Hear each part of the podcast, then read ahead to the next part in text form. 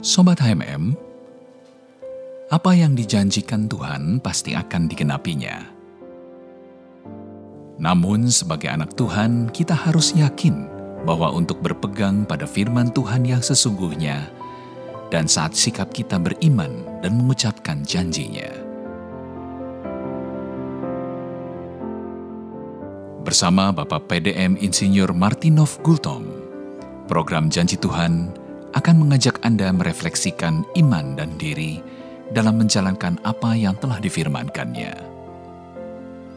Selamat mendengarkan.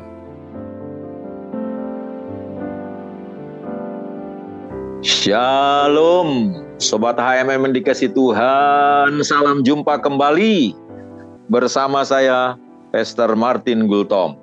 Nah, Sobat HMM, dalam pertemuan kita, untuk episode kali ini kita akan melihat dari Yosua pasal 1 ayat 8 yaitu berjalan di atas janji keberhasilan.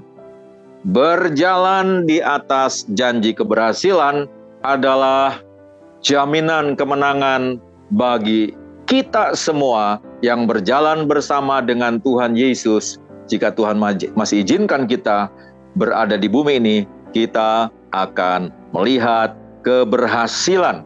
Nah, kita lihat di Yosua 1 ayat 8 firman berkata seperti ini.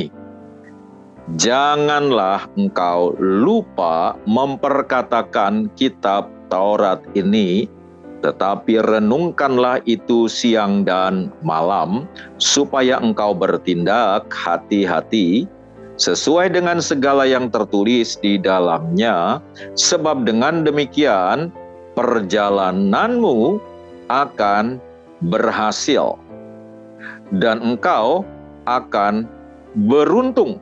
Dua kata terakhir, perjalananmu akan berhasil dan engkau akan beruntung adalah kehendak Allah, adalah jaminan Allah bagi kita yang memperkatakan firman, merenungkannya siang dan malam, sehingga meresap di hati, sehingga terbentuk dalam pola pikiran, sehingga menjadi ucapan-ucapan bahasa kita, walaupun nggak pakai ayat, tapi isi pesan kalimat yang kita ucapkan isinya adalah orang yang berjalan dalam firman yang menjadikan kita sampai kepada keberhasilan dan keberhasilan dan keberhasilan. Karena Tuhan katakan supaya engkau bertindak hati-hati sesuai dengan segala yang tertulis di dalamnya. Jadi ketika perjalanan saya adalah karena saya merenungkan firman Tuhan, memperkatakan firman Tuhan, sehingga tindakan saya, keputusan saya, pilihan saya adalah selaras dengan firman, maka firman yang menjamin berhasil. Nah, kalau kita lihat ke atas ayat 3 dan 5 ini sebuah pernyataan Tuhan kepada seorang Yosua. Hari itu adalah ujung perjalanan dari 40 tahun di padang gurun menyelesaikan melunaskan akibat mereka dulu berontak. Ya, ketika Tuhan berkata, "Ayo masuk ke Kanaan, saya sudah serahkan." Ah, ada 12 pengintai masuk ke negeri Kanaan, 40 hari mereka berjalan dan melihat luar biasa hebat, melimpah, makmur. Wow, hebat. Tapi lo disertai dengan namun raksasa raksasa raksasanya besar banget, temboknya, kubunya tebal banget. Wah, kita nggak mungkin menang. Nah, itu mereka keluar setelah 40 hari dari pengintaian, lapor kepada Musa di depan seluruh halayak Israel dengan kata-kata negatif. Sehingga seluruh umat menjadi gentar dan takut. Bahkan bersungut dan berkata, wah kita mati nih bakalan gitu. Nah itu jadi kutuk bagi mereka sehingga Tuhan berkata, kamu itu di hadapan Tuhan mengatakan kata-kata yang jahat. 40 hari kamu mengelilingi, mengintai kanan 40 tahun kamu bayar.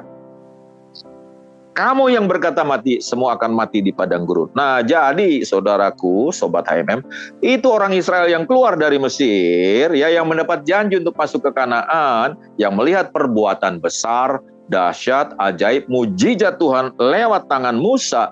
Ini saksi mata yang melihat betapa dahsyatnya keajaiban perbuatan Tuhan menyelamatkan mereka. Tapi mereka menihilkan.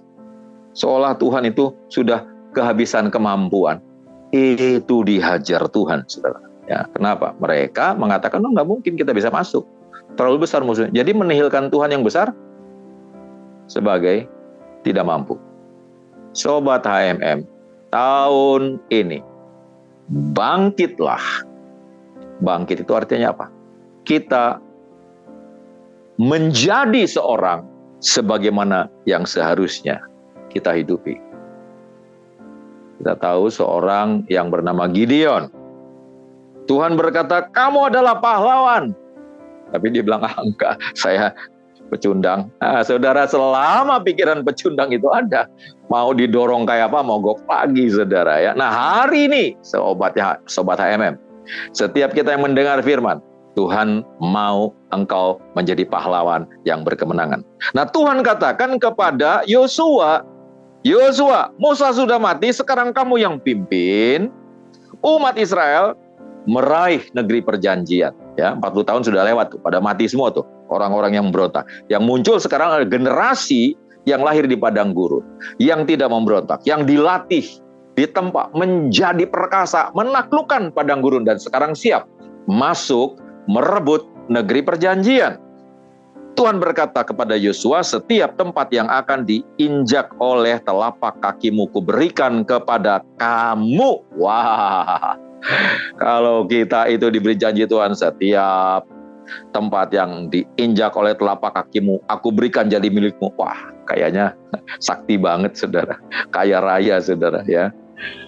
Setiap tempat yang akan diinjak oleh telapak kakimu, aku taklukkan menjadi wilayahmu yang baru, yang diperluas. Sesuatu yang dulu kamu tidak mampu, sekarang aku beri kemampuan. Sesuatu yang dulu bukan milikmu, aku berikan menjadi milikmu ketika engkau berjalan.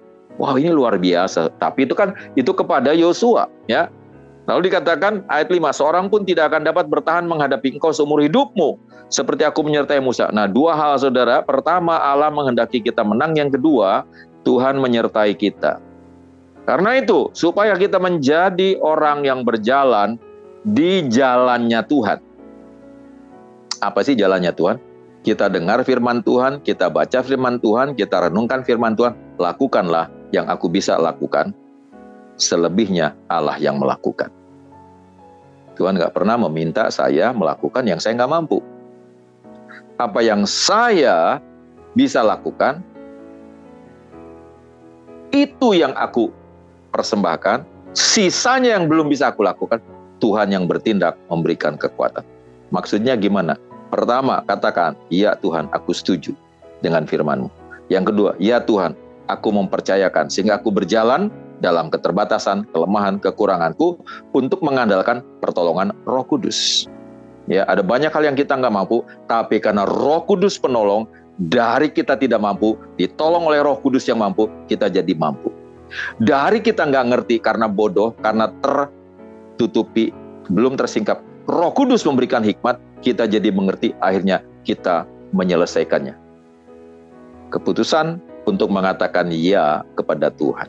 Keputusan untuk mau memperkatakan firman Tuhan, merenungkan firman Tuhan siang dan malam, dan bertindak karena memiliki firman di hati, karena memiliki firman di dalam pikiran, karena memiliki firman di dalam perkataan iman deklarasi kita, maka Roh Kudus yang bekerja, sehingga waktu saya melangkah, melakukan apa yang aku lakukan, aku dapat lakukan. Tuhan mengerjakan yang aku tidak mampu, maka semua musuh dikatakan tidak ada yang bisa bertahan. Jadi sobat HMM dan saya kita didesain berkemenangan dan beruntung. Kamu akan berhasil dan beruntung. Di dalam berhasil, di dalamnya ada kemenangan, di dalamnya ada meraih berkat. Jadi orang-orang yang mendemonstrasikan Allah kita penuh kuasa, Allah yang setia dan memberkati hidup kita jadi berkat bagi banyak orang. Amin. Tuhan Yesus memberkati.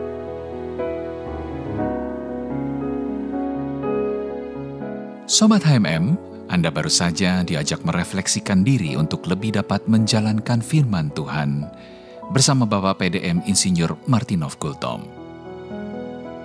Terima kasih atas kebersamaan Anda. Tuhan memberkati.